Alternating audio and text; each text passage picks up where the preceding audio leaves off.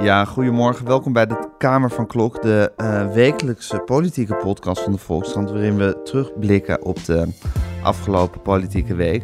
Maar ja, we zijn aan het eind van het jaar en we zitten vlak voor het kerstreces. En dan zit het terugblik op het afgelopen politieke jaar ligt natuurlijk op de loer. Uh, we hadden ook allerlei momenten en personen al voorbereid, althans de mensen die hier met mij aan tafel zitten.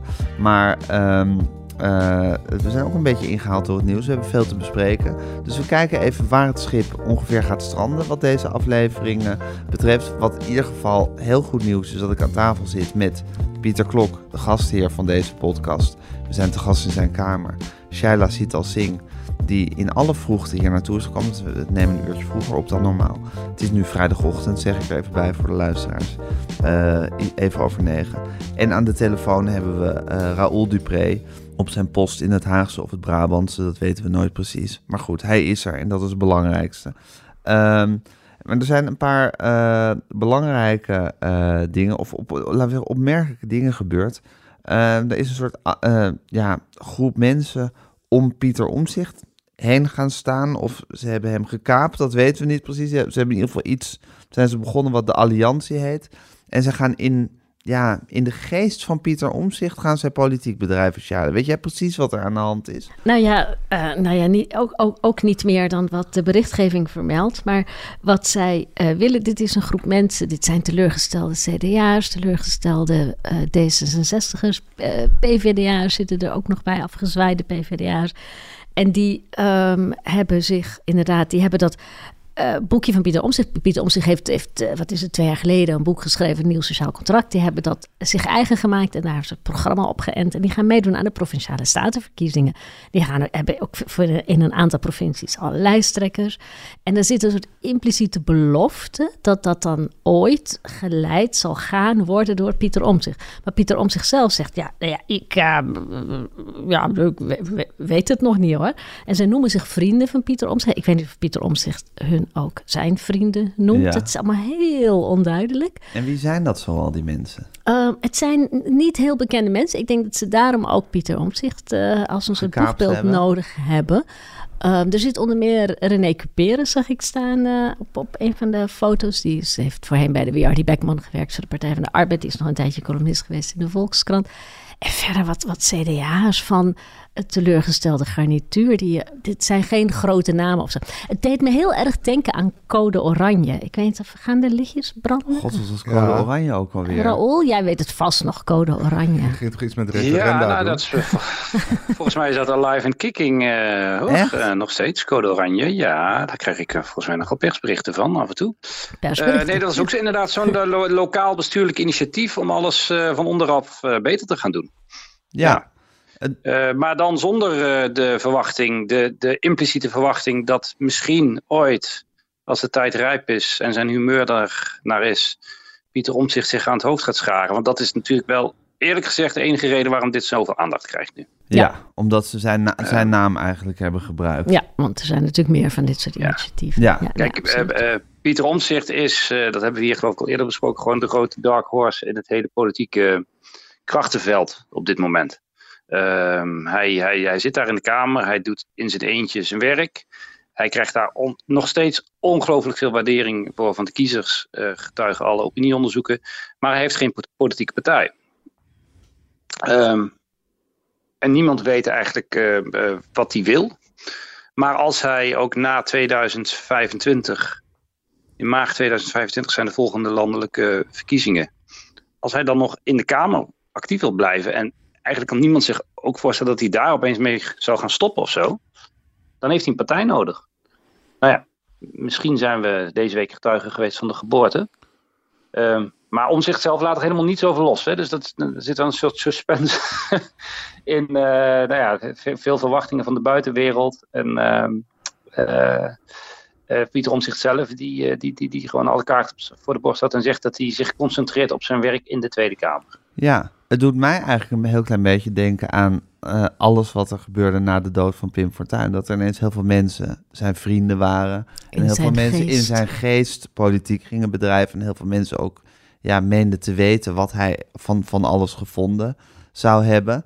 Met dat verschil dat, dat Pim Fortuyn toen inmiddels was eh, overleden en Pieter Omtzigt nog gewoon live en kicking in de Kamer zit. Dus dat heeft iets wonderlijks. En hij krijgt hiermee ook, hiermee ook wel een soort Messias-achtige trekken. Van Mensen die zijn, die zijn woord gaan interpreteren Ja, en lezen. Zonder En- dat hij nog iets hoeft te zeggen zelf. Ja, zonder dat hij nog iets een beetje live of Brian Ja. eh, eh, voelt het ook. Ja. Ja. Ik weet niet of er bij hem heel veel berekening achter zit. Volgens mij is hij nog Bij steeds... hem niet waarschijnlijk. Nee, het gaat met hem aan de Volgens mij is hij nog steeds zwaar overbelast en tegenoverspannen aan. En eh, is hij vooral aan het overleven. Ik krijg niet de indruk dat hij heel veel tijd heeft om over een nieuwe politieke partij na te Nee. denken. Het is ook weer een heel ander spel hè, dan goed Kamerlid zijn. Ja. Eh, maar ja, zolang hij zichzelf niet uitspreekt, zijn natuurlijk mensen die blijven fantaseren. Ik denk dat CDA ook nog steeds fantaseert over een terugkeer. En dat er mensen in het CDA zijn die misschien ook denken, misschien wordt om zich toch straks. Hè, dan eh, schuiven we Wopke aan de, aan de kant en al die vijanden van Pieter Omzicht. En dan geven we de partij alsnog aan Pieter Omzicht. Ik denk dat daar ook al wordt nagedacht. Ik, ik, ik kan me voorstellen dat al meerdere partijen naar zijn gunst hebben. Ja, jij hebt toch ooit voorgesteld dat Lilianne Ploemen zou afreizen om hem... Om, Ja, om, om- nou, ik, ga ervan uit dat ze dat dan ook doet. Ja, het zou nu een beetje onzinnig zijn, ja. Eh, nee, ja, hij appelleert natuurlijk aan veel gevoelens. En vooral dat hij er in de eerste plaats voor de burger is. Ik denk dat daar wel in het land heel veel behoefte aan is. Of dat nou bij coupeers is of bij anderen. Van dat je in de eerste plaats opkomt voor de burger. En dat, dat weet hij heel goed eh, Ja. uit te stralen dat hij dat doet. Ik krijg En dat ook... hij dat heel conscientieus doet. Dus niet eens zozeer met een ideologie. Maar gewoon bijna een soort ombudsmanachtig eh Ja, Kamerlid. Goed luisteren. Nou, gewoon altijd voor de burger opkomen tegen die enorme macht, de overheid. Ja. Dus die overheid de hele tijd bevragen, geef mij, geef mij informatie. eh, ja, hij, hij opereert wel heel erg namens eh, ons, heb je het gevoel. Ja. En wat ook wel weer opmerkelijk is, dat het idee, dat ik toch het idee begin te krijgen, is dat dat, dat dat is wat hij daadwerkelijk de hele tijd wil doen. Meer dan eh, de getapte jongen uithangen als partijleider of zwaaiend op congressen rondlopen of eh, volgelingen om zich heen verzamelen die hem, die hem eh, naar eh, de hemel inprijzen. Nee. Het is, hij, hij, Hij wordt er gelukkig van. om hij wil om gewoon met- dit, noeste werk de hele Ja, tijd hij wil doen. gewoon met actuarissen, wil hij dat nieuwe pensioenstelsel we zitten nu ook over te praten als een soort messias. Ja. Hij wil gewoon dat goede werk doen. Ja, nee, maar dat is grappig. Jullie weten ook precies wat Pieter ja, wil. Ik zit er echt Ja, met wij verbazing te wij fantaseren aanschouwen. ook heel Ja, veel over Pieter Omtzigt. Ja, maar dat is, natuurlijk, dat is natuurlijk grappig als iemand wel allerlei dingen doet, maar ook iets soort, soort teruggetrokken Ondergrondelijks. houdt en ondergrondelijks houdt en ze Ja. niet, niet helemaal prijsgeeft waar, wat hij nou eigenlijk Dit, precies jongens, dit werkt toch ook in de liefde? Gewoon Ja. hard to get spelen. Ja, Kom dat op. doet hij gewoon. he- En een raadsel eh, blijven. Ja, absoluut. Ja. Een mysterie. Niet te Ja. veel zeggen. Dan kan er altijd nog iets diepzinnigs achter je schuilen. nou, Pieter en ik kunnen dat Ja, ik niet, maar Pieter. Omtzigt wel heel goed. Ja. Ja, precies. Zo moet dat dus, Overigens, Pieter. eh, Ja, Raoul. overigens zijn, er, zijn er ook in het CDA actiegroepen actief hè, die Pieter om zich terug willen halen. Zeker. Ehm, maar ja, ehm, het, het probleem daarvan is dat dat bijna niet voorstelbaar is zolang eh Wopke Hoekstra en Hugo de Jonge daar eh, rondlopen. Ehm, we hebben daar, dat is natuurlijk helemaal misgegaan. Maar ja, toch moet je niet uitsluiten dat eh, het debat daarover nog serieus op gang komt als het CDA niet heel snel gaat herstellen in de kiezersgunst. En dit diepe dal blijft zitten. Ja, dan op een gegeven moment zal de, de roep om Pieter kom ons redden, zal het echt wel gaan aanzwellen. Ja, Ja. maar zo is dus de situatie dat er steeds meer partijen, groepen, allianties, weet ik veel, wat mensen zijn die iets van Pieter Omzicht willen. Of die naar zijn, zijn hand dingen. Zonder dat ze zelf dus enig idee hebben, Shaila, wat hij, wat de heilige Pieter zelf eigenlijk wil. ja, en, ja. En, en of hij dat kan en of hij daar ambities toe heeft. Nee, geen idee. Geen idee. Nee. Nee. Mysterieuze zaken. Ook wel echt wel, wel opmerkt dat er een partij wordt opgericht in iemands gedachtegoed. Volgens iemand, iemands gedachtegoed. eh Raoul, zonder dat die persoon er zelf bij betrokken is. Ja, ja de, de, dat weten we niet helemaal zeker natuurlijk. Het kan ook zijn dat eh, Pieter Omtzigt hier niet helemaal eh, transparant is natuurlijk. Nee, nee, dus Dat dat, het hij achter de vindt, schermen wel degelijk ermee te maken heeft. Nou ja, het zou natuurlijk kunnen dat, dat, dat hij toch eens wil kijken. Want zij gaan dus meedoen in drie provincies aan de eh, statenverkiezingen in maart. Dat hij toch even wil kijken eh, of dat eh, een beetje loopt. Of dat aanslaat. En ja, dan, ik bedoel... kijk, wat je nodig hebt als je mee wil doen aan een verkiezing... is gewoon een organisatie. Mensen die gewoon die je partij inschrijven... bij al de kiesdistricten, die zorgen dat er lijsten komen. Er, website bouwen. het is heel veel werk om een politieke... eh, partij op te bouwen. Je hebt iemand als Jan Nagel nodig, zou ik bijna zeggen. Die, die, uh, die daar ervaring in heeft. Nou, dit zijn kennelijk een paar mensen die hebben tamelijk geruisloos, in elk geval voor die statenverkiezingen, dat opgetuigd nu. Die kunnen dat dus en die hebben daar zin in. Ja. Nou ja, dat is op zich een aantrekkelijk perspectief voor Zeker. Uh, maar ik vind daar... daar... Is, ja. oh, nee, sorry, maak me af, Ro. Nou, er is één ding natuurlijk wat iedereen die ooit met Pieter Omtzigt heeft gewerkt ook weet. Uh, naast alles waar hij heel goed in is, is er ook iets waar hij niet zo goed in is. En dat is gewoon met andere mensen samenwerken. Um, uh, Pieter Omtzigt heeft de lat zo hoog liggen uh, dat er maar heel weinig mensen aan voldoen. En um, dat maakt het lastig, denk ik, voor hem om ja, de, de, mensen die hij om zich heen moet verzamelen. Hij zal daar concessies moeten doen. Niet iedereen kan opbrengen, denk ik, wat wat hij, wat hij zelf opbrengt in de Tweede Kamer. Um, en, ja, dat, dat vind ik nog wel echt het, uh, uh, het grote vraagteken boven dat hele avontuur. Dan slaagt hij er ook in om inderdaad om, om zo'n partij uh, bij elkaar te houden. En je moet inderdaad ook gewoon de Haagse markt op willen met je foldertjes. En uh, vrij oppervlakkige tv-debatten voeren waar je in uh, 20 seconden mag zeggen wat je van de nieuwe pensioenwet vindt dat is eigenlijk allemaal helemaal niet wat bij Pieter Omtzigt past. Um, nee, dus er dus, moet iets nou, omheen gebouwd worden. Ja, hij wordt mysterieuzer en mysterieuzer en, en heiliger en heiliger. Ik vind hier, stel dat hij er wel bij betrokken zou zijn en dan niet transparant over is, dat vind ik dan weer niet in de geest van Pieter Omtzigt, die van iedereen maximale transparantie eist. Maar daar geloof ik dus En de bonnetjes en een feitenrelatie. Dan wil ik straks ook een feitenrelaas over nee, de totstandkoming van deze partij. Van... Nee, ik geloof dat niet. Wat geloof nou, ik geloof niet dat, hij, dat hij daarover liegt. Nee, dat geloof ik niet. Hij kan niet liegen. Dat is duidelijk. Pieter hij Omtzigt kan, niet liegen. Nee, echt. We hebben dus, we hebben nu, we hebben, dit, jongens. Dit zijn hele, zijn hele geloof, het Pieter Omzicht geloof, draait om dat je de volle waarheid vertelt. Ja. Volgens mij. Dus daar, daar gaat hij natuurlijk geen enkel risico mee lopen. Dat zou wel heel onverstandig zijn. Als, als, als achteraf blijkt uit een stukje in de krant dat Pieter Omzicht hier zelf bij betrokken is, dan is hij natuurlijk dan gaat hij het wel heel moeilijk krijgen. Want hij heeft heel nadrukkelijk gezegd dat hij er niks mee te maken Ik kan me niet voorstellen dat hij dat risico neemt. Ik denk wel dat wat Raoul zegt, dat hij nieuwsgierig is. Van wat gaat er gebeuren? Ja. Uh, nou ja, hoe populair ben ik? En wat is het potentieel electoraal gezien? Maar ik, ik kan me niet voorstellen dat hij... Hij speelt hier open kaart Kijk, hij neemt, er, uh, hij neemt er ook geen afstand van, hè? Hij, hij zegt niet, hier heb ik niks mee te maken. Nee, precies. Nou ja, ja, de, Pieter, de Pieter Omzicht exegese gaat uh, verder en verder. Het zei dat er een dik boek over hem uh, geschreven wordt door, uh, door een stel apostelen.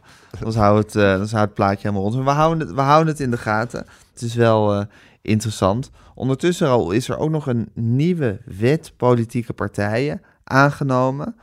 waarin het, het uitsluiten van politieke partijen uit het bestel ja, makkelijker wordt gemaakt. Of mogelijk wordt gemaakt überhaupt. Ja, uh, uh, ja, makkelijk, want dat kan al. Ja. Uh, maar het is heel ingewikkeld. Je moet nu eigenlijk als politieke vereniging een bedreiging zijn voor de openbare orde om uh, te kunnen worden verboden. En dan moet je het heel bond maken. Nou, het enige voorbeeld dat we hebben uit de recente parlementaire geschiedenis is de CP 86, die in 98 uiteindelijk verboden is. Um, toen en eigenlijk ook al een bijna niet bestaande, heel marginale partij was. Um, maar um, Hanke Bruins-Slot, de minister van Binnenlandse Zaken, niet de meest in het oog springende minister van het afgelopen jaar, verraste ons gisteravond uh, uh, op de valreep van het uh, politieke jaar. Toch nog even met een wetsvoorstel waarin ehm, expliciet wordt geregeld dat het makkelijker moet worden om bij de Hoge Raad een verbod te vragen van een politieke vereniging. Ehm, namelijk als die in woord of in daden een bedreiging is voor de rechtsstaat en voor de democratische rechtsorde. Ehm, heel concreet, uh, als je je bijvoorbeeld keert tegen vrije verkiezingen, tegen grondrechten, tegen de scheiding van machten, tegen de onpartijdige rechtspraak, dan kan je, als deze wet wordt aangenomen, dus een procedure beginnen bij de Hoge Raad en vragen om een verbod.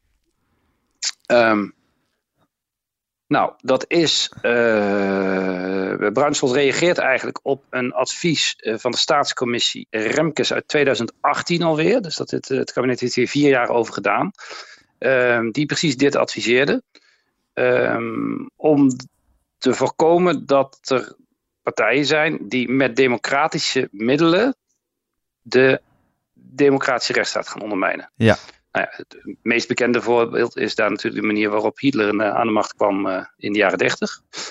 Um, nou ja, en om het concreet te maken, met name D66 heeft uh, zeer recent natuurlijk dit direct verbonden aan de uitlatingen van uh, Forum voor Democratie Kamerleden als Gideon van Meijeren, die eigenlijk laten merken dat ze het kabinet niet meer als het democratisch gekozen gezag accepteren. Nee. En dat begint dan wel een beetje in de buurt te komen. Dus, Ja. um, maar goed, het is, het is natuurlijk een, een, een- ja, wel een zeer principieel vergaande stap. Want je komt onmiddellijk in het debat terecht. ehm, wanneer ben je de vrijheid van meningsuiting aan het beperken en ehm, eh, de oppositie de mond aan het snoeren? En welke gevolgen gaat deze stap hebben, denk je? Nou ja, ja, ik denk als die wet wordt aangenomen, dan zal je zien dat. Kijk, als bijvoorbeeld een partij als Forum voor Democratie zich blijft ontwikkelen zoals het afgelopen half jaar, Ja. en dat weet ik niet of dat zo is, dan ga je zien dat als die wet wordt aangenomen, dan gaan er mensen proberen om dat verbod aan te vragen. Ja. Dan kun je, dat kan ik je op een briefje geven nu. Ehm, en het gevolg daarvan is dan dus dat eh, de Hoge Raad de vereniging kan ontbinden. En de deelnemers aan de vereniging kan verbieden de, voor drie jaar lang om eh, een nieuwe partij op te richten. En dat verbod kan iedereen aanvragen, elke burger. Ja, dat ehm, zat ik me net af te vragen. Daar ga ik eigenlijk vanuit. Ja, Ehm, en dan moet je waarschijnlijk Ja. aantoonbaar belang hebben of zo. Ja, dat zal zo zijn. Bij, ehm, bij de CP86 was het wel minister Zorgdrager in de jaren 90 die uiteindelijk eh, dat het, het OM heeft eh, gevraagd om onderzoek te doen naar een verbod. Nou ja, dat, dat leidde dus uiteindelijk ook tot een verbod. Het is een goede vraag. Ehm, weet ik niet zeker. Maar hoe je ook bent of keert, als die wet wordt aangenomen, zal, zullen al het soort uitspraken wat ze bij Forum voor Democratie doen over tribunalen die er gaan komen of over het eh, opties om met geweld de regering af te zetten of de Tweede Kamer te bestormen enzovoort. Die worden dan toch in een heel ander licht, of die, die, die krijgen dan toch een ander gewicht, aangezien daar dan ook een soort consequenties aan verbonden kunnen worden. Ja. Toch? Ja. Nou ja, je zag nu Ja. al een beetje, volgens mij, dat zelfs binnen Forum waren de correctiemechanismes werkzaam, toch? Dat Gideon van Meijer ineens ook een beetje uit de gratie leek. Dus eh, ik denk dat ze er nu al een beetje op letten. Krijg ik het gevoel van wat ze zeggen. Maar dat is Ja. een hypothese. Ja, ja. Ja. Nou ja, die trend is een paar weken oud. Dus eh, ik ben benieuwd hoe het zich verder ontwikkelt. Maar de, laatste, de laatste drie weken, zeg maar, is, lijkt, lijkt dat een beetje zichtbaar, ja. Ja. Ik eh, zie opeens, ik, ben- ik heb een heleboel debatten opeens gezien waar Forum voor Democratie zich uitermate redelijk eh, probeerde op te stellen. Dus ik dacht, wat is daar eh, opeens in gevaren? Oh ja, denk je dat ze Eh. zelf toch ook een beetje geschrokken zijn? Ja, dat- dat- nou ja, ehm eh eh, Thierry Baudet zelf had eh, ook een week of twee, drie geleden opeens een interview in de Telegraaf. Waarin hij die doorschemerde dat hij het zelf allemaal iets, iets te radicaal eh, vond worden. Dus misschien heeft hij toch gewoon ingegrepen. Hm. Nou, interessant. Eh, we houden het voor u in de gaten ook in 2003. Of heb jij nog een laatste Nee, gedachte erover, nee. Pieter? Jij, Shaila? Eh, nee, Je zit een beetje te kijken van, ja. ja, nee, Ja. het is... eh, Vind je het goed, dat wetsvoorstel? Of denk je van, het Kijk, is... je kan het ook misbruiken. Hè? Het is heel precair. Je moet, eh, het, het moet wel heel, heel precies... ehm, dat je niet iedere willekeurige oppositiepartij of partij die je niet zint zomaar kunt laten verbieden. Of daarmee dreigen? Ja, Ja. het moet wel Nou ja, eh, of dat je dat terugkrijgt, specifiek zijn. krijgt, dat de PVV ook weer een verbod van D66 gaat eisen, omdat ze anderen weer voor fascisten hebben uitgemaakt. ja, Het is toch allemaal fijner als het niet hoeft? ja. Ja, Ja, als het gewoon in de politieke arena gebeurt. ja Nou opgelost ja, en, kan en gewoon worden. met normstelling, ja. Nou ja, je ziet het ook op andere terreinen. Bij de eh, Ongehoord Nederland wordt ook steeds, wat, wat eigenlijk de media, de mediaspreekbuis is van FVD, wordt ook, ook steeds iets strakker aangetrokken. De NPO is ook erg geschrokken. Dus er wordt aan alle kanten een beetje ook wat strakker, ook in regelgeving, gezocht. Van wat, hoe, hoe kun je dit ietsje intomen? Ja, maar ook dat is natuurlijk eigenlijk al een soort... Dat, dat voelt al een beetje ondemocratisch. Nou, binnen de NPO vind ik het niet zo gek. Dat is gewoon een organisatie met regels. Nou ja, het- wat ik een heel moeilijke vraag vind, kun je die, die radicalisering en het steeds extremer worden van politieke partijen, eh, kun je die tegenhouden? Hè? En inderdaad, altijd het schrikbeeld van de jaren 30 hangt er wel een beetje boven. Ja. Dat je denkt, ja, toen gingen we er misschien ook wel vanuit dat de democratie zijn corrigerende werk zou doen. Ja. En toen gebeurde het juist niet. Mhm. Toen werd het alleen maar erger. Nou, in Amerika hebben we natuurlijk ook eigenlijk een voorbeeld zien dat het steeds erger wordt. Maar daar zie je nu ook een soort correctie, lijkt het. Hè? We Ja. moeten niet te vroeg eh, juichen. Eh, maar dat vind ik altijd ingewikkeld. In hoeverre kan de democratie zichzelf corrigeren? Ja. En daar was ik eigenlijk eh, tot, tot diep in dit jaar vrij somber over. Maar de laatste tijd word ik daar net weer wat optimistischer over. En dan heb je het eigenlijk niet nodig. En leidt het alleen maar tot extra ruis en extra dit soort gevechten. Dat ze, elkaar, dat ze van elkaar gaan eisen, dat ze verboden worden. Eh, ja, dus, dus de voorkeur heeft nog altijd in de politieke arena. Maar ik denk dat je er niet op kunt rekenen dat het daar altijd gecorrigeerd wordt. Dus je moet wel, ja, je moet heel goed de vinger aan de pols houden. En misschien is het, nou ja, om, eh, vanuit die optiek is het wel goed dat er nog, eh, dat je iets achter de hand hebt. Om Ja. in het ergste geval te zeggen, ho. Ja, nou ja, het is interessant. Het, is, het is inderdaad een soort paardenmiddel waarvan je zou willen dat het niet nodig was. En wat ook weer vanzelf alles eh, in de hand werkt. Ondertussen, eh, een beetje onzinnig einde van dit, eh, van dit Nou, item, maar goed. het best mooi. Ja, Ja. best mooi, maar ook weer, ook niet, ook weer niet heel erg, heel erg strak. Ondertussen heeft de Nederlandse staat dan toch, of de regering eigenlijk, excuses aangeboden voor het, voor het slavernijverleden. 19 december is de datum geworden.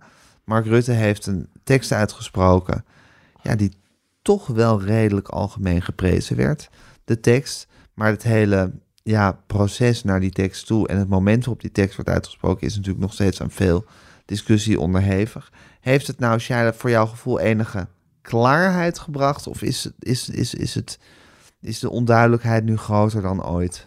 Nee, ik vond het prachtig. Ik vond het echt een hele Prachtig mooie. Ja, ik vond het prachtig. Ik vond het ontroerend. Ik vond het een hele goede speech. Ik zat ernaar te luisteren, ondertussen te appen met, met vrienden op Curaçao en in Suriname. Ze zaten allemaal gekluisterd aan de radio of de televisie. En eh, alles kwam langs wat, wat, wat langs moest komen. Zijn gaan turven, wordt Tula wel genoemd. Nou, ik geloof wel drie keer. Eh, wordt Indonesië nog wel even genoemd. Nou, gelukkig. Dus eh, alle, alle gevoeligheden werden even Ja. aangeraakt. Zijn eigen proces werd meegenomen. Ik vond het een hele goede speech. Ik wil heel graag weten wie hem geschreven heeft. Ik, ik hoop dat Raoul dat misschien weet. Of dat het een team was. Maar ik vond, vond hem echt heel goed. Ja.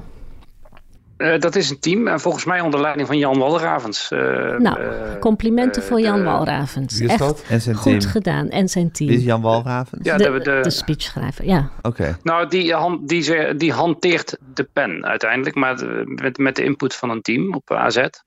Ehm, en die heeft meer eh, eh, eh, eh, belangrijke speeches voor Rutte. Zoals bijvoorbeeld de torentjes-toespraak eh, over corona in 2020. Dus eh, een man met ervaring. Ja, eh, heel goed. Maar goed, Ja. je kunt ob- objectief eh, vaststellen dat hij gewoon, ja, getuige de reacties, dat hij de juiste woorden heeft gevonden. Want ik, ik vond echt, echt verbazingwekkend wat er gebeurde na die, na die speech. Dat zelfs de meest geharnaste eh, actievoerders eigenlijk.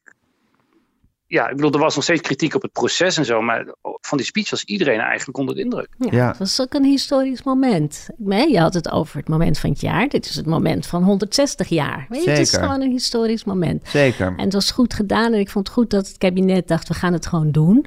Want eh, hoe langer je erover blijft dooretteren... of je het wel of niet moet doen en wanneer en hoe... en onder welke omstandigheden, hoe ingewikkelder het wordt. Dus gewoon hup er doorheen. Eh, van Huffelen hadden ze gestuurd naar Curaçao. Die stond daar in een prachtige jurk als een soort prinses. eh, daar ook nog een stoel uit te rehabiliteren. Ik vond het echt heel goed. Het kabinet heeft dit echt eh, goed gedaan. Ja, dus eigenlijk kunnen we nu concluderen dat simpel en alleen door dat uitlekken van tevoren, dat dat moment een soort van bezoedeld is geraakt. Zeker. Terwijl eigenlijk de hele uitvoering en wat er gezegd werd en hoe het gedaan werd, eigenlijk gewoon hartstikke goed is, Ja, eh, is. Misschien dat er wel, door wat eraan vooraf is gegaan, die speech nog net iets beter en iets krachtiger is geworden. Dat er nog net iets meer in is gekomen van nou ja, alle bezwaren die de afgelopen dagen Ja. zijn langsgekomen. en ook Dus omdat dat- het een komma is en geen punt. Nou ja, maar dat, dat was al wel al van meet af aan duidelijk. Ja. Dat het het begin van een proces was. Ja. En nou ja, nu kunnen we heel lang, kunnen we het een jaar lang gaan hebben over hoe gaan we die komma, wat komt er daarna die komma en hoe gaan we dat invullen. Hebt prima tot je dienst met deze hobbel is genomen. Ik vond het echt historisch. Ja, precies. Ja, ook, ook, ook mensen die van tevoren, eh, van, eh, gewoon, eh, weet ik veel, kennis, vrienden, die zeiden, nou ja, voor mij hoeft het niet per se. Die waren echt ontroerd. En waar zat hem dat dan precies in? Dat het, dat het echt, dat het dan zo de juiste snaar raakte? En die volledige erkenning in het eh, eh, gedetailleerd benoemen van waar je nou precies je excuses voor aanbiedt. In het eh, meenemen van het hele, hele proces. Het proces dat Rutte ook heeft doorgemaakt. Ehm, en in het, ik denk het, het volledige erkennen dat dit zijn allemaal onderdelen van het koninkrijk geweest of nog steeds. En die tellen allemaal mee. Ja. Gewoon het idee dat je gezien bent. Ja, ja, en dat proces is natuurlijk heel belangrijk, want dat proces is natuurlijk eigenlijk waar het om gaat. Want de tegenstanders van die excuses zeggen, ja, waar bied je excuses voor aan enzovoort. Maar het gaat natuurlijk vooral om het gewoon eh, integreren van dit hele verhaal in onze geschiedenis. En dat erkennen dat dat gebeurd is. En dat is natuurlijk een proces dat je gewoon daar anders tegenaan gaat kijken. Ja, en dat daar je is dat, dit... dat je eh, dat gewoon tot je, tot je neemt en aanvaardt dat het zo gebeurd is. Ja, en dit is daar de ultieme uiting van. En ook heel goed uitgelegd van het is niet. En het- er was natuurlijk een enorme beweging van mensen die zeiden, ja, niet namens mij. En mijn eh, voorouders waren ook arm. Ja. Maar en Rutte maakte ook daar korte met mee. Het is ook niet namens jullie. Het Nee. heeft niets met jullie te maken. Het is namens de staat, namens de rechtsopvolger van. De, de, de, ehm, de, de autoriteiten die toen verantwoordelijk zijn geweest voor die slavenhandel. Dat is het, niets meer en niets minder. Ja. En dat is al heel veel. Ja. Pieter? Ja, nou ja, ik vond het ook een prachtige speech. Ja. En we hebben het hier vaak over gehad dat, dat eh, eh, Rutte niet met zichzelf af kan rekenen. Hè? Dat hij heel lang beleid heeft gevoerd en dat hij dat heel moeilijk kan corrigeren. Dat heeft hij hier wel gedaan. Hij heeft heel overtuigend uitgelegd dat hij sommige dingen heel lang niet heeft gezien. Dat, dat institutioneel racisme, zo, dat deed hij natuurlijk altijd een beetje. Daar sprak hij met DDR over. En Ja. mensen moesten zich vooral ve- invechten op de arbeidsmarkt. En het was een Dus gaaf zo land. discriminatie. En, en hij kon, vond ik heel echt, en ik geloofde hem ook echt, eh, dat hij tot inkeer is gekomen. Dat hij wel ziet dat, dat die slavernij van toen nog, nog eh, eh, doorwerkt in de verhoudingen van vandaag. Dat, dat, dat, dat zei hij ook heel duidelijk. Hij heeft zich volgens mij ook door Sylvana Simons op dit terrein laten overtuigen. Dus hij, hij ja, ik, ik, ik vond het heel sterk en krachtig. En het waren de goede woorden. Het was waar echt, eh, er was lang over nagedacht om het ook heel beeldend te beschrijven wat er gebeurd was. Je kon het weer voelen hoe verschrikkelijk het was. Ja, waardoor je ook zelf sowieso had, wat is het eigenlijk goed eh, dat we dit nu doen? En wat is het raar dat we dit niet veel eerder onder ogen hebben gezien? Het is gewoon belangrijk om, om, om de geschiedenis van je land op deze manier Ja. ook eh, eh, onder ogen te zien. Ja. Nou, en wat goed dat Rutte zichzelf kan overstijgen. Dan kan hij gewoon tot, tot het eind van zijn dagen premier blijven. Nou, Hij zou zelf altijd opnieuw blijven Hij, hij, uitvinden. hij, hij was ook ont- zelf ontroerd na afloop. En toen zaten we in de app, appgroep ook. Ja, het is ook een beetje. Het is natuurlijk zo'n moment wat onder hoogspanning staat. Het is ook een beetje. Je staat op zo'n WK. Je moet een penalty nemen en je haalt hem. En dat je dan een soort van zelf ontroerd over Ja. je eigen prestatie. Ja. Daar alsnog om gaat huilen. Ja. Weet je, dat, dat, dat had het Zou ook wel hij een die beetje. druk echt gevoeld hebben? Ik denk het wel. Het stond wel echt onder hoogspanning dit moment. Ja, dit ja. kun je ook heel fout doen. En dan, Ja. ja. dan heb je echt een jaar lang ellende. Heb jij met Rutte, Shaila? Nee joh. Nou ja, hij mag toch vragen? Nee joh. Dat zou toch kunnen. Iedereen, er appen toch heel veel mensen met hem. SMS'en, toch? Ja, nee, ja. Maar dan stuur je hem niet een sms'je. nee joh, ben je gek. Nou ja, hallo. eh, is dat, is dat, is dat, Dat dat- doe jij wel, Gijs. Of- Nee, helemaal niet. Maar ik ben veel minder. ja. Ik zit iets minder in de politiek of in, Ja. in, in, die, in, in dat veld dan, Nee, joh. eh, dan Shaila. Nee joh, ik, ik, misschien het Raoul met een sms, maar ik niet. Maar jij zou dat heel ondenkbaar vinden dat je hem, dat je hem een sms zou sturen met, eh, met goed gedaan. Ja, Ja. dat zou ik echt ondenkbaar En jij, vinden. Raoul? Ja, dat zou ik niet doen, nee. Nee, dat is toch heel raar. Maar dan moet je je eigen sms'jes weer op gaan vragen daarna. Ah. Al het sms-verkeer van Rutte. Dan blijkt je vanzelf in te figureren. Oh ja, ja. Goed Waarschijnlijk- gedaan. Waarschijnlijk gaan ze die dan wel openbaar maken. Ja, Had je het gevoel dat, dat iedereen met ogen op steeltjes naar hem zat te kijken, Raoul, toen, dat, toen hij die speech ging eh, houden? Van hoe, hoe gaat hij dit redden? Ja, nee, natuurlijk. Hij heeft nog nooit een speech onder zo'n hoge druk eh, gehouden. Ik bedoel, er waren, er waren nog... Ja, ik kan me niet sowieso geen eerdere speech herinneren waarvan zoveel mensen van tevoren hadden gezegd, ja, laat maar zitten. ja, en dan, ga je, en, dan, en dan ga je het toch doen. Ja, en dan, dan weet je natuurlijk wel, ja, als je dan, dan niet de juiste woorden weet te vinden, dan. Ik bedoel, het risico was natuurlijk wel dat hij ehm, A voor een, uh, een half lege zaal zou staan, of dat de zaal leeg zou lopen gedurende de speech. Maar goed, um, het was toch de afgelopen weken natuurlijk wel voorbereid. Ze hebben het, het voordeel van alle ophef is dat um, Rutte en uh, al die speechschrijvers natuurlijk wel alle gevoeligheden ook al van tevoren hebben uh, aangevoeld, zeg maar. Ik bedoel, de, ze konden er rekening mee houden. Ja. Um, je zag passages in staan die echt um, uh, bijna reactie leken op de ophef ja. hier en daar. Hè. Dus bijvoorbeeld wat jij net zei van deze excuses. Ik bedoel, dit is niet namens jou, want jij leefde toen nog niet. Dit is namens de Nederlandse staat, want die was het toen wel. Maar dat, dat, je zag het af en toe echt tussen de regels door. Uh, en ik geloof ook dat ze in het katshuis, in elk geval met de mensen die daar in de zaal zaten, het grootste deel van de boodschap wel al hadden doorgenomen. Want dat merkte je ook. Uh, na die katshuissessies kwam opeens iedereen naar buiten. Oh, maar ze gaan een komma zetten en geen punt. Nou, dat was natuurlijk precies uh, de strekking van, de, van de speech. dus die elementen waren al weggegeven. Maar goed, ja, nee, het is gewoon een geslaagde exercitie. Ik denk dat Mark Rutte voor het eerst in lange tijd weer eens heel erg blij is met hoe iets is gevallen. ja. Nou, dat gunnen we hem ook op de valreep van dit Tuurlijk. jaar. Wat zijn we mild. Van ja. dit lange, lange, lange, lange politieke jaar. Ja. ja. ja. je wordt heel mild aan het eind van het jaar. Raoul heeft morgen ook een heel mild commentaar over het kabinet. Een mooi mild Echt? commentaar. Ja. Uh, Raoul. Ook weer ontroerend. Ja. Jezus, ja. Wat heb je dan geschreven, Raoul? Ongeveer. Um, nou, nee, ja, ik ben een hele milde bui. Maar aan het eind van het jaar probeer je toch altijd even terug te blikken op zo'n jaar. En te kijken van wat heeft het nou eigenlijk um, ons opgeleverd. Um, en om te beginnen heel veel politieke ophef. Wij hebben er ook vele uren mee uh, gevuld. Um, met oneenigheid uh, over het asielbeleid. Dat natuurlijk in de zomer echt een dramatisch dieptepunt uh, bereikt in Ter Apel. heel veel gedoe over het stikstofbeleid. En zo. Nou, we weten het allemaal. Um, uh, over, die, over die excuses. Um, als je intussen gaat kijken um, wat er dan wel eens gebeurt, is dat toch nog best een indrukwekkend rijtje. Ik weet niet of je het nu allemaal wil horen. Nou, best wel maar, eigenlijk. kijk, dat hele sociale zekerheidsregime gaat op de schop onder leiding van Carolus Schout. Weet je, als je het over de bijstandswet hebt, de kostendelen en allemaal, alle onrechtvaardigheden worden eruit gesloopt. de pensioenwet, uh, hoe je er ook verder over denkt. Dat is toch een tamelijke eendracht tussen de belangrijkste oppositiepartijen en de coalitiepartijen gisteravond tot een goed einde gebracht. Maar werkelijk wekenlange, zeer uitputtende inhoudelijke debatten waarin werkelijk alle argumenten zijn gewisseld. Um, dat hebben ze gewoon. Dat energieplafond, hè, daar was wat gedoe over en zo, is uiteindelijk ook weer met um, uh, vereende krachten tussen. Uh, de grootste oppositiepartijen en de coalitie tot stand gekomen.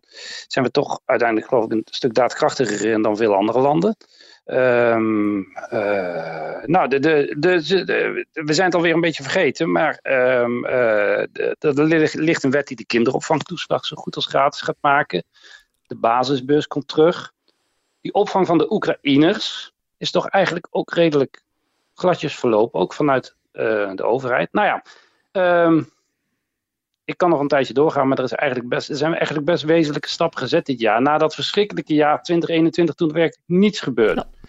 Dus er zit wel weer um, enige beweging in, volgens mij. Ja, het land wordt bestuurd en er gebeuren wel degelijk dingen die er moeten gebeuren.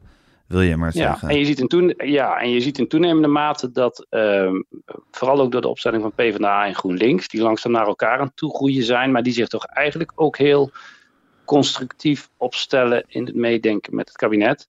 Waardoor eigenlijk alle zesde partijen die op een of andere manier bij die formatie betrokken waren, nu eigenlijk gewoon volgens mij het land aan het besturen zijn. Ja, nou ja, uh, dat is, dat is uh, lief dat je dat zegt uh, allemaal, Raoul. Aan de andere kant zou ook zeggen, van, ja, dat is toch ook een beetje wat een regering moet doen.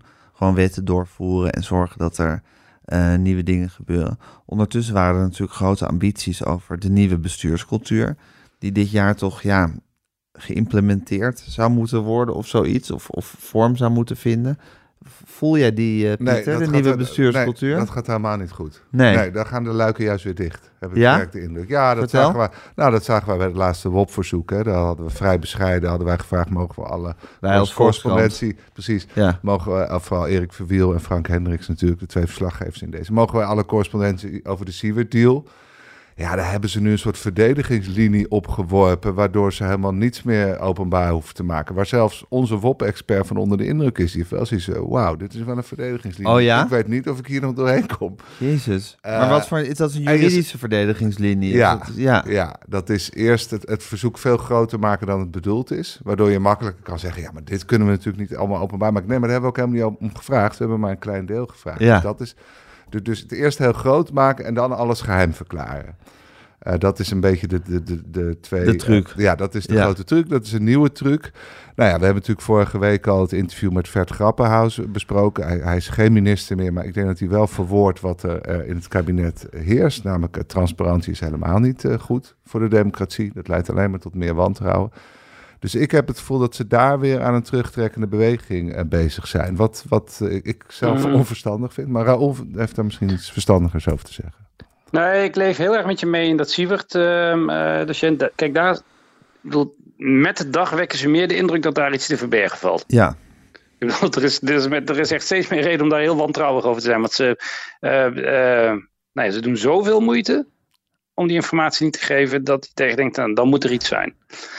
Maar wat ik bijvoorbeeld een hele goede ontwikkeling vind, is dat eh, bij elk wetsvoorstel tegenwoordig de beslisnota's worden meegestuurd aan de Tweede Kamer. En dat zijn de ambtelijke eh, adviezen en adviezen van buiten. Dus de, hoe is deze wet tot stand gekomen en wie hebben daarover meegepraat en zo. Is zeer verhelderend en goed. Daarom weten wij bijvoorbeeld dat ambtenaren op het ministerie van Justitie in augustus al zeiden. Die beperking van de gezinshereniging, jongens, is echt een heel slecht idee, want dat gaat het niet houden bij de rechter. Eh, klopt. Hebben gelijk inmiddels. gehad, ja. Eh, we weten ook dat de ambtenaren zeer kritisch waren over dat energieplafond, omdat het allerlei eh, eh, onvoorziene gevolgen met zich mee kan brengen. Eh, eh, nou, dat, is het, Ja, ja, dus dat is wel degelijk transparantie, wil je maar zeggen. ja, dat vind ik wel echt een echt vooruitgang, zeg maar. Van de, de- ja, eh, waarin je, waarmee je als overheid ook laat zien, oké, nou, we hebben, wij hebben uiteindelijk als kabinet de knoop doorgehakt. Eh, het had ook anders gekund, want er waren deze, deze adviezen lagen er allemaal, maar wij doen het nu zo. Ja. En een ander element... Ehm. oh, sorry. Ja, nee, zeg maar. Nou, ik wilde zeggen, een ander element van die bestuurscultuur was... eh, dit, dit is de ene kant, dit is zeg maar de binnenkant... maar er is ook de buitenkant, namelijk hoe wetten uitpakken. Dus zeg maar de uitvoering. Want daar was de grote onvrede over met, eh, met hoe de overheid functioneert. Dat er vervolgens in de uitvoering ehm, allerlei dingen niet goed gaan. En dat komt omdat er wetten eh, worden gemaakt... waarbij geen rekening wordt gehouden met zijn ze wel uitvoerbaar... en kunnen mensen er wel mee overweg. En dat het slecht getoetst wordt of wel getoetst wordt... en vervolgens niks wordt gedaan met die toets... Of dat de uitvoeringsinstanties helemaal zijn uitgekleed. En aan die kant, ehm, dat moet zich allemaal nog gaan manifesteren. Of, dat, of er inderdaad betere, of dit allemaal, deze beslisnota's meesturen, of dat ook leidt tot betere wetgeving, waar uiteindelijk burgers wat meer aan hebben. En of het uiteindelijk ook leidt tot betere uitvoeringsinstanties die beter geëquipeerd zijn om, om de wetgeving uit te voeren. En daarvoor is het nog te vroeg hè, om dat te zeggen. Maar ik zie Ja. niet per se daar enorme ambities in of zo. Dat ze plotseling uitvoeringsinstanties Nee. heel erg zijn gaan optuigen. Of dat er allerlei burgers op andere manieren bij worden betrokken Ja. om te toetsen of, het wel, of ze wel op de goede weg zijn. Daar zie je nog niet zoveel activiteit. Nee, en met, er is zelfs een heel negatief voorbeeld, want eh, die asiel, eh, de, de beperking van de gezinshereniging, daar wordt de Immigratie- en Naturalisatiedienst dus gewoon opgezadeld met een regel Precies. waarvan eh, eh, iedereen eigenlijk meteen zegt, jongens, dat is juridisch onhoudbaar, maar ga het maar uitvoeren. Nou, en dan vervolgens eh, eh, eh, gaat de ene naar de andere rechter zeggen, het is juridisch onhoudbaar. Dus hoe moeten die mensen bij de IND zich voelen? Vraag ik me dan af. Ja. dus En je zal dan maar werken. Dat- ja. onuitvoerbare politieke compromissen, daar hebben ze nog steeds wel een handje van. Hè? Dat, Ja. dat, dat, dat er dan om een bepaalde partij mee te krijgen, dat er allerlei dingen aan worden toegevoegd. Ja, ik ga het straks nog over het pensioenstelsel hebben, waar je dat ook ziet Ja. gebeuren. En dan ontstaat er gewoon een onuitvoerbaar gedrocht. En dat hebben ze nog niet opgelost. Nee, ze En, zijn, de- en ik sterker nog, ik denk, gewoon een ik denk dat dat voor onuitvoerbare Ja, maar dat hangt ook samen met de versplintering van de politiek in Nederland. Er moeten steeds meer partijen moeten, eh, moeten meedoen om een besluit er doorheen te krijgen. Ja, dat leidt er ook toe dat er steeds meer wensen in zo'n voorstel moeten worden gestopt. Ja. En dan wordt het al heel snel ingewikkeld en onuitvoerbaar. Ja, een log compromis. Ja, Ja. ja. ehm, oké, ver- verlang jij, Piet, zou je verlangen naar gewoon een hele nieuwe ploeg mensen die zich hier eens met frisse moed aan zou kunnen zetten? Ja, ik vind dat dat verlangen moet je altijd onderdrukken. Want vaak Dan zit- moet je ook niet te veel van verwachten. Nee, het zit, het, zit- vaak echt wel in de systemen en, en, en, en dieper liggende structuren. Eh, als je het van, hele tijd van een wisseling van de mensen moet verwachten. Ja, dat is even leuk. Ja, Eh, maar ook, dat eh, voelt even lekker. Dat voelt even lekker. We gaan het Ja. helemaal over een andere boeg gooien. We gaan het stuur radicaal omgooien. Hè. Dat, je hebt veel van managers die dat graag dan eh, roepen. En dan meestal heb je even een half jaar eh, bewegen er allerlei dingen. Mhm. En daarna loopt alles net zo hard in het honderd. Ja, Ja. ik ben daar gewoon iets minder. Ja, ja. Behalve wat ik eerder heb gezegd, dat het, dat het voor, voor Rutte op heel veel terreinen moei- moeilijk is om zijn eigen beleid te corrigeren. Dat dat blijft zo. Blijkt er nu dus ook heel goed in te Nou zijn. ja, bij slavernij is Ja. heel goed in geslaagd. Ik weet niet of het op alle Nee, terreinen gaat precies. lukken. Wat wou je zeggen, Raoul? Nou, ja, wat in elk geval opvalt, een deel van het nieuwe elan eh, zochten ze natuurlijk in januari door een, eh, mensen van buiten op het bordes te zetten. Ernst Kuipers, Robert Dijkgraaf, Connie Helder, eh, de, al die mensen. Zo van, nou, eh, nieuwe gezichten, nieuw bloed, een nieuw elan. Eh, eh, en eh, ja, eh, eh, Ja, ik wil daar wel een voorbeeld van geven. Behalve bij Frank Weerwind zijn het allemaal niet zulke geslaagd. Wat, wat voor voorbeeld wij Ja, geven? weer. Nou ja, ik zag Robert Dijkgraaf bij eh, Bo zitten, volgens mij, ergens Ja. deze week. En eh, nou, ik vond vooral dat hij er ook heel moe uitzag. Maar hij, het was een heel, ik vond het een ontroerend interview, want het is een doodgoeie man. Hè? Ook een hele intelligente en originele, creatieve man. Hij snapt de snaartheorie. Maar hij, hij was aan het uitleggen dat hij het onderwijs, dat hij het zo belangrijk vindt dat er persoonlijke ruimte is om je te ontwikkelen. Had hij ook een heel mooi voorbeeld. Je moet kinderen ook ruimte geven om zichzelf te zijn. En toen vroeg hij meteen daarna zichzelf af van, heb ik eigenlijk wel ruimte om mezelf te zijn in deze functie? Of word je gewoon gestuurd? Ja. En word je gewoon volledig eh, geregisseerd door, en het, gestuurd? door het systeem door het opgeslokt. systeem. En eigenlijk Ja. zei hij van, ja, er is bijna geen ruimte om mezelf te zijn. Dus Nee. Die nieuwkomers, Je zag hem eigenlijk bij Bo een soort epiphany, een soort moment van inzicht hebben. Dat hij, dat hij zich ineens dacht, Nou ja, dat, wat- dat gevoel had ik. Dat hij Ja. ineens dacht, jeetje, ik, ik heb eigenlijk, ik zit hier te oreren wat ik heel belangrijk vind in het onderwijs. Hè? Eh, mensen ontwikkelen en ruimte geven om zichzelf. En, en, en dat heb ik zelf eigenlijk niet. En dat, dat vond ik wel tragisch. En ik denk dat het samenhangt dat, dat misschien nieuwkomers eerder ingekapseld worden. Want die zijn nog niet geslepen genoeg. Die, die, kunnen, Ja. die weten niet precies wat hun ruimte is. Hè? Ja. Moet, moet ik me alles wat die ambtenaar zegt, moet ik dat gewoon doen? ja. Of kan ik ook af te zeggen, maar dit vind ik onzin, dag, eh, zoek het uit.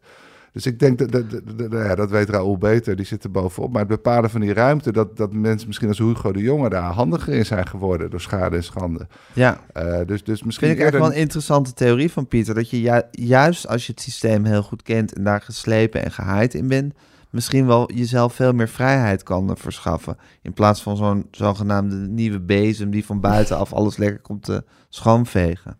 Eh, ja, en sowieso kost het. Je moet eigenlijk eerst insider worden voordat je eh, eh, politiek effectief wordt. Ik las laatst nog een boek eh, waarin eh, eh, over Els Borst. in 94 nieuwkomer op het Binnenhof als minister van Volksgezondheid. En met een hele duidelijke agenda eh, over euthanasie. In 1994 was dat. Ehm, eh, en de euthanasiewet is in 2002, vlak voordat ze aftrad, ingevoerd. Ehm, dus dat heeft acht jaar geduurd. Ehm, eh, om politiek effectief te worden moet je eigenlijk gewoon eerst eh Binnenhof heel goed leren kennen. Tja. Ehm, eh, en ik, de- ik denk eerlijk gezegd dat inderdaad Kuipers, Dijkgraaf, eh Gunay Oesloe die op media zit. Nou ja, er waren best wel veel nieuwe gezichten daarachter zijn gekomen. En ja, Connie Helder bijvoorbeeld had deze week echt het heel erg lastig. want ja, die wordt geconfronteerd met allemaal dossiers uit het verleden waar ze niet bij was. Hè? In dit geval de Siewert-affaire. En dan merk je gewoon dat ze hoogst onzeker is en echt denkt, wat gebeurt me allemaal? Ehm, je hebt soms bijna medelijden met haar. Omdat je, eh, ja, dit, ik kan me niet voorstellen dat die nou een heel prettig eerste jaar achter de rug heeft, bijvoorbeeld. Nee, Ehm, dus het kost tijd. Tijd en doorzettingsvermogen. Maar ja, tegen de tijd, eh, dan word je dus eerst een insider, ja, precies. vrees ik. Ja, Ehm, ja. ja. ja, het is een wonderlijk systeem. Laten we jongens, eh, ter afsluiting eh, van, eh, van dit jaar, van deze Kamer van Klok, heel even jullie politieke moment en persoon van het jaar doornemen. Want dat is, ehm, ja, dat, is, dat, dat hoort er een beetje bij. Shaila, wat, wie waren het voor jou? Um, ik, heb een, ik heb een politieke foto van het jaar, dat, uh, volgens mij, uh, die volgens mij heel veel vertelt. Dat is Christiane van der Wal op haar blote voeten die uh, trekkers voor haar deur aan het wegjagen is. Ja omdat dat, nou, dat gaat over de stikstofaffaire. Het gaat over... Er werd verhaal gehaald bij ja, haar, ja, door boze, bo door boeren, boze boeren. Omdat ze met de stikstofplan, omdat ze het regeerakkoord aan het uitvoeren was. En nou, het, het, het, vertelt heel veel. Het vertelt dat, dat je niet meer weet met wie je praat als je een, uh, een akkoord hebt. Uh, of als je iets bedacht hebt voor de landbouw. Dus je denkt, nee, ik praat met LTO. Nee, dan moet je helemaal niet mee praten. Want er zijn hele boze boeren die zetten gewoon een trekker op je stoep. Het, het gaat over eigen richting, wat we toch ook op heel veel terreinen hebben gezien dit jaar. En in de afgelopen jaren, dat toch steeds meer Nederlanders denken: ik ga gewoon ergens een, uh, een afrit blokkeren als ik het ergens, uh, als, ik, als ik vind dat de vervelende demonstranten deze kant op komen, of omgekeerd. Um, maar, maar ook zo'n minister die laat zien dat je toch ook heus wel ruggengraat kan hebben. Dat is toch wel, uh, vond ik, uh, nee, ik, bewonderenswaardig. Gewoon de huis uitgewandeld, uh, op de blote voeten. En tussen die mannen gaan staan. En dat zijn he hele grote tractoren en hele grote mannen. En, uh, en, gewoon gezegd, nou luister jongens, ik ga hier niet met jullie in debat. En uh, ze hebben nog, nog iemand eventjes weggeduwd. En dat, en dat deed ze um, met zoveel moed in er eentje dacht, nou, er kunnen heel wat collega's uit haar uh, ploeg nog wat van leren. Nou ja, en uh, even vanuit de boeren geredeneerd, laten we het voor hen dan ook even opnemen. Die hebben natuurlijk met de Nederlandse overheid te maken gehad, waar ze jarenlang geen, ja. geen, totaal geen staat op konden maken. Precies, ja, en, die grillig is geweest. Grillig is ja. geweest, onduidelijk, vaag. zich uit heeft geduwd, steeds met papa en nat houden ze ook in, tot allerlei Precies, investeringen dus heeft verleid of gedwongen. Zonder dat die dreiging ooit ja. echt concreet werd. Ja. Dus het is natuurlijk ook hun wanhoop geweest om dan maar gewoon naar het huis van de minister te rijden om, om verhaal te gaan ja, halen. Ja, het is ook het failliet van 30 jaar stikstofbeleid wat daar op de stoep stond. Zeker, ja. Dus het is op vele, op vele manieren een veelzeggend uh, foto. En is zij voor jou dan ook de politieke persoon van het jaar? Um, uh, ga ik nog even over nadenken. Ga nog even over wat wij zeggen? Raoul ging nog wat zeggen. Ja, ja. Nou, kijk, want ik ben dus optimistisch gestemd. Um, en zelfs hier zou je kunnen zeggen, want de, afgelopen drie jaar was dat hele stikstofbeleid natuurlijk een drama. En dit jaar hebben we ook heel erg gelachen dat Johan Remkes weer moest komen en dat het allemaal niet opschoot en zo. Maar je zou ook kunnen vaststellen dat eigenlijk sinds de zomer uh, er geen tractoren meer op de snelweg hebben gestaan. Terwijl het kabinet zich toch uitdrukkelijk nu heeft voorgenomen, um, en expliciet, om binnen afzienbare termijn duizenden boeren te gaan uitkopen.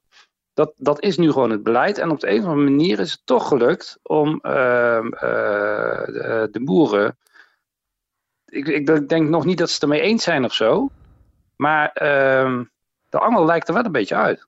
Ja, ze zijn op dit moment. een soort van ja. tot kalmte gemaand. Er is iets gebeurd waardoor ja, het hele explosief eruit is. Nou ja, alsof ze zich er toch bij hebben neergelegd dat dat in elk geval onvermijdelijk is. Dat er op vrij korte termijn toch enkele duizenden um, op een of andere manier zullen moeten stoppen. Ik vind dat echt heel opmerkelijk, want uh, uh, nou, in de zomer dacht ik, dit loopt totaal uit de hand. Het was een burgeroorlog, en dat is, werd er aangekondigd. Ja, ja. ja en het, het, het, jaar is wat dat betreft eigenlijk best rustig geëindigd. En ja, vervolgens, ik bedoel, we moeten zien of het kabinet ook daadwerkelijk, en al die provincies, of het, of het nu gaat gebeuren. Hè? Dat, de andere theorie is natuurlijk dat die boeren denken, nou ja, zal zo vaart al niet lopen, want het lukt ze nooit. Um, maar het is toch interessant, want de, de, uh, het jaar 2023 begint wat dat betreft heel anders dan het vorige jaar. Ja.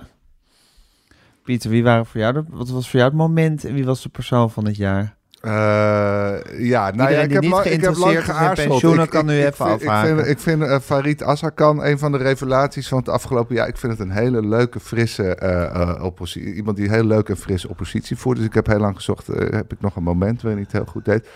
En toen, uh, nou, Wat vind je dat hij zo leuk en verfrissend Nou, ik vind dat hij heel uh, prettig praat, heel helder praat. Uh, ik vind Hele hem oprecht betrokken. Ik vind hem helemaal niet zo geslepen of dat hij met spelletjes... Hij, is, hij, hij spreekt echt, laatst ook weer gewoon oprecht zijn verbazing en zijn verontwaardiging. Maar hij is wel constructief. Hij is niet flauw of vervelend. Ja.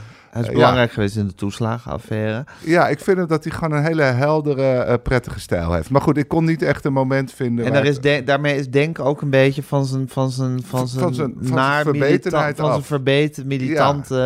eh, Het is een wat vrolijker beweging geworden. Ja, god, dat is verder niet iets wat je kan verlangen van een politieke Nee, beweging, dat is niet- Er gebeuren genoeg vreselijke dingen in de wereld. Maar ik, ja, ik, ik, ik merk dat ik elke keer als ik naar hem luister... ik denk, wat een prettige figuur. ja, En wat, wat voert hij leuk oppositie. ja. Ja, ook al laatst op onze cartoon reageerde hij ook heel leuk. Van jongens, dat kan natuurlijk echt niet... maar wat goed dat jullie hem terug ter- hebben getrokken. Oké, Ja, ja. Nou dat is ook wel nou ja, leuk om te horen, hè. Pieter. Goed, ja. Dat geldt terzijde. Uh, Sigrid Kaag zag ik gisteravond. Dat ik dacht van, nou, die ook heel moe, hè, net als Robert Dijkgraaf. Dat ik dacht, ja, toch, dat die mensen werken ook heel hard voor de publieke zaak. En los van de vraag of ze het altijd goed doen, weet ik niet. Wat ik heel goed vond, wat ze gisteravond deed, dat ze zei, ik maak ook fouten. Ik, ik vind mijn rol in het 1 april debat, hè, toen ze zei van, nou, nou, als ik Rutte was geweest, was ik afgetreden. Ja. Dat, dat zegt ze, dat vond ik achteraf niet goed. Dat eh, had ik niet zo moeten zeggen. Ze zei ook de HJ schoollezing, kunnen we allemaal nog herinneren. Dat ze zich heel erg afzetten tegen het gerommel in de politiek. Ze zei ook achteraf niet goed. Nou ja, dat is natuurlijk ook het wonder van de afgelopen jaren. Dat Sigrid Kaag en Mark Rutte de dikste vrienden zijn geworden. Dus ik heb even overwogen... Dikste vrienden. Nou, volgens mij wel Oké. inmiddels. Maar goed, mag Raoul straks meer over Ja. zeggen. Eh, dus Sigrid Kaag vind ik ook wel een beetje persoon van... Ja, ook omdat ze natuurlijk ook vreselijk bedreigd is... en, en eh, daar ook echt heel veel last van heeft. Hè. Ze wordt beveiligd en haar kinderen hebben het er ook heel moeilijk mee. Dus het is natuurlijk ook een van de vre- vreselijke gebeurtenissen. De- Eh, jullie weten, mijn hobby is natuurlijk het pensioenstelsel. God. Eh, dus ik, Ik- zal ik- proberen ik mijn... heb ook- gevoel- Ah, joh, laat hem even. Ik heb een gevoel dat ik weet waar we heen gaan. God, oh Nou, maar dat, is, Ja. maar dat vind ik ook heerlijk. Kom, Pieter. Nou, ik zal mijn opinie proberen als zorg eh, eh, te, te, te uiten. Maar mijn moment van het jaar was toch eh, Pieter Omzicht, die een anderhalf uur lang over de pensioenwet stond te oreren, terwijl er bijna niemand in de zaal zat. Mind you, dit is een operatie waar 1500 miljard euro ineens op een hele andere manier verdeeld wordt. Ja. Hè? Dat is de grootste operatie die, die, die we doen. Het is echt een steen op mijn maag. Ik maak me daar grote zorgen om, omdat je daar precies weer ziet. Er is een soort, hè, de PvdA moest ook iets krijgen en GroenLinks moet iets krijgen. Dus het is nu Ja, weer ja, enorm iedereen is met douceurtjes meegetrokken. Dit is echt de, de ingewikkeldste uitvoeringsoperatie ooit. Eh, voordat duidelijk is hoe groot dat is, gaan, gaan we ermee akkoord. Ja, dus ik ben daar, zoals je kunt horen, Ja. niet zo enthousiast over. Ik maak Nee. me groot zorgen. Maar het moment van het jaar was dat Pieter is de enige, dus dat is een eenmansfractie, is de enige in mijn ogen die hier wel echt heeft geprobeerd het helemaal te doorgronden. En zelfs hem lukt het niet, want het is niet te doorgronden. Maar die, ik vind het tragisch dat een eenmansfractie daar eigenlijk voorop moet gaan in, in de oppositie. En ik begrijp het ook niet, want je kunt het electorale fiasco alweer uittekenen. De reden dat om zich nu, volgens Maurice de Hond, niet helemaal betrouwbaar, maar goed, hij staat redelijk hoog in de, in de virtuele Mhm. peilingen, is dat pensioenstelsel. Eh, ik denk dat dit eh, eh, de komende jaren, hè, wat, wat, dat, Caroline van der Plas is op het ongenoegen van de boeren groot geworden. Er gaat straks, denk ik, een beweging ontstaan over het ongenoegen of, over deze operatie. Dit wordt. Nou ja, goed, ik ben hier gewoon, ik maak me zorgen. Ik Pieter, het kan goed aflopen. maakt zich samen Maar met wat ik andere vooral grote zorgen. wat ik democratisch ingewikkeld vind, dat toch, eh, eh, nou ja, dat is ook de tragiek van Pieter Omzicht. Kijk, hij gedraagt zich alsof hij eh, bij een grote fractie hoort. Namelijk, hij, hij besteedt heel veel tijd aan dit soort onderwerpen. En dat kan eigenlijk niet als je een eenmansfractie bent. Dan moet je toch iets meer doen, zoals Caroline van der Plas, een beetje grote lijnen.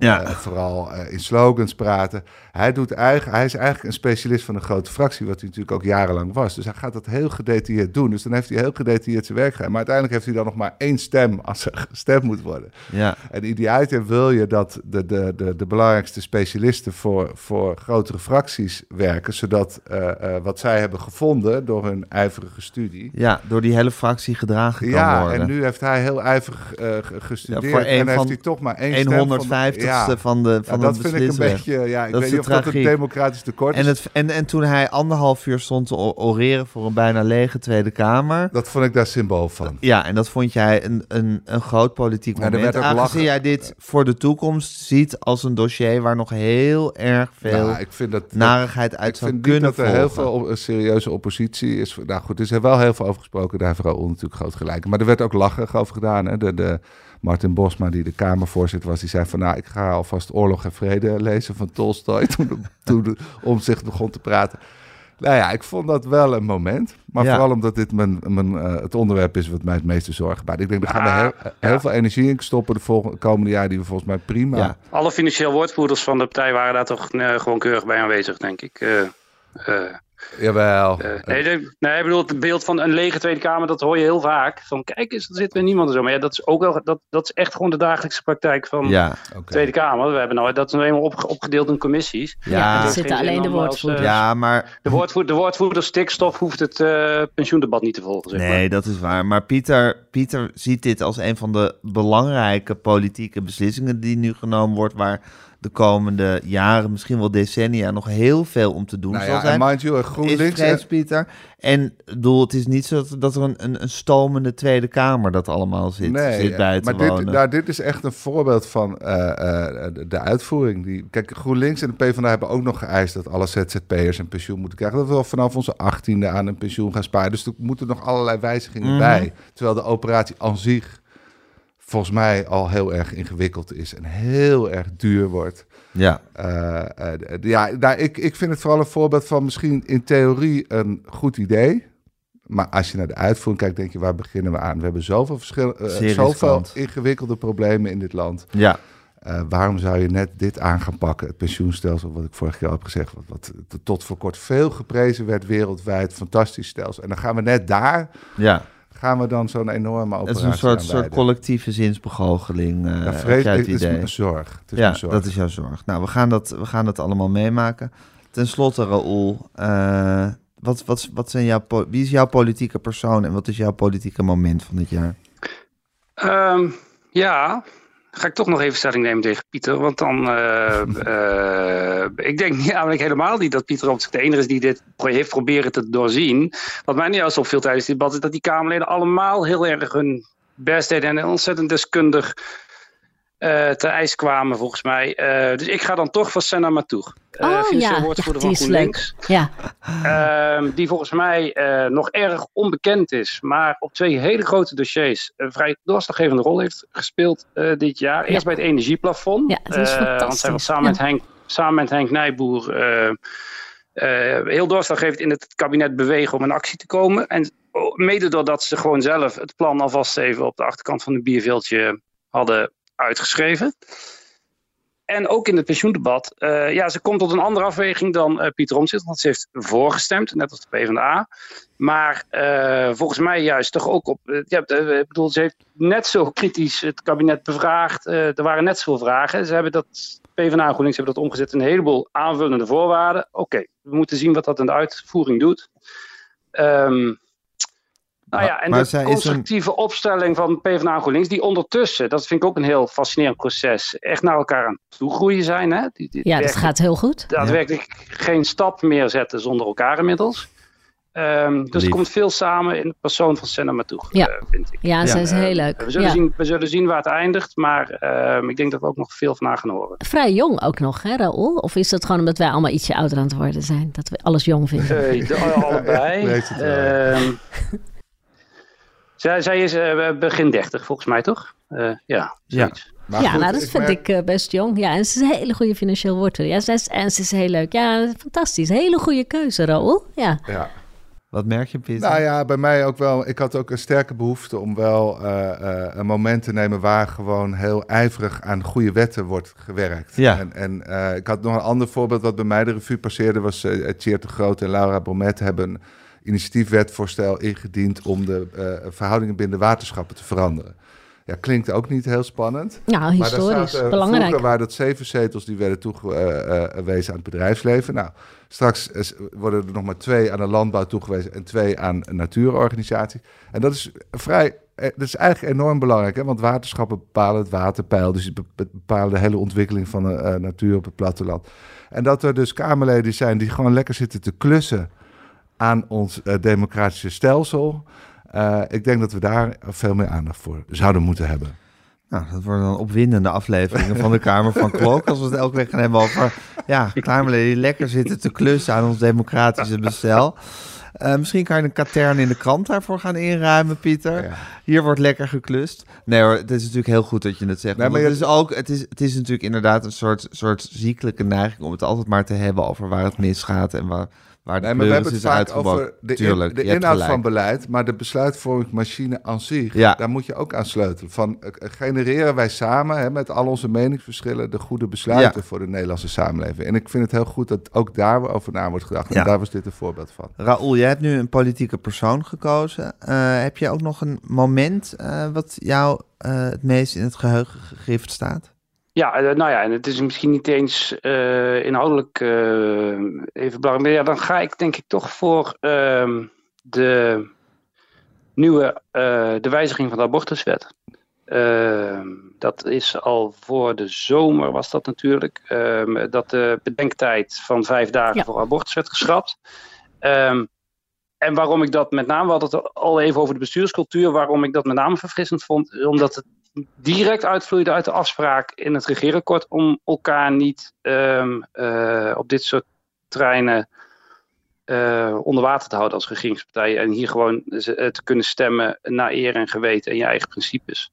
En toen zag je dus gebeuren dat opeens zo'n wetsvoorstel, wat, waar eigenlijk al heel lang een Kamermeerderheid voor was, het nu opeens haalde omdat niet meer de ChristenUnie zei tegen eh, D66, ja, daar mogen jullie niet voor stemmen als je met ons in de coalitie zit.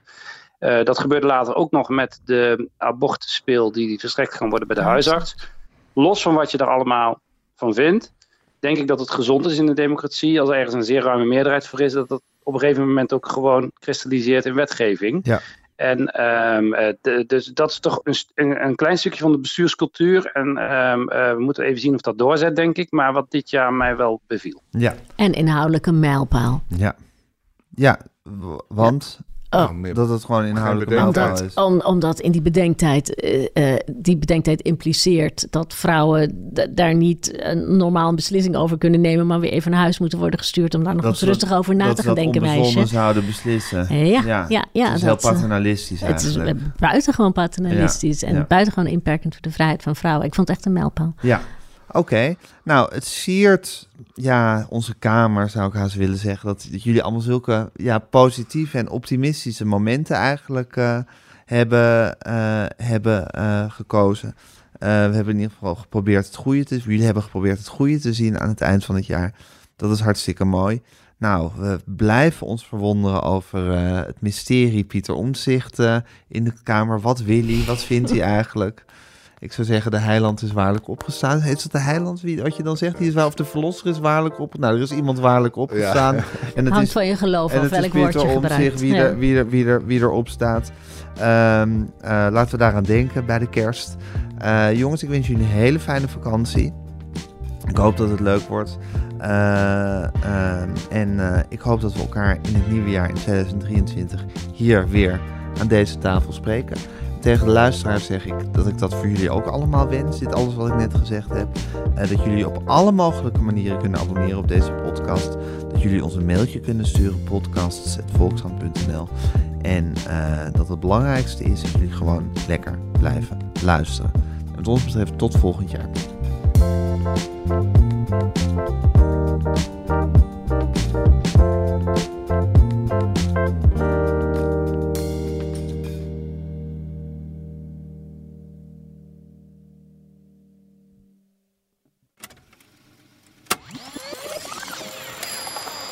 Hallo, mijn naam is Shaila Zital Singh.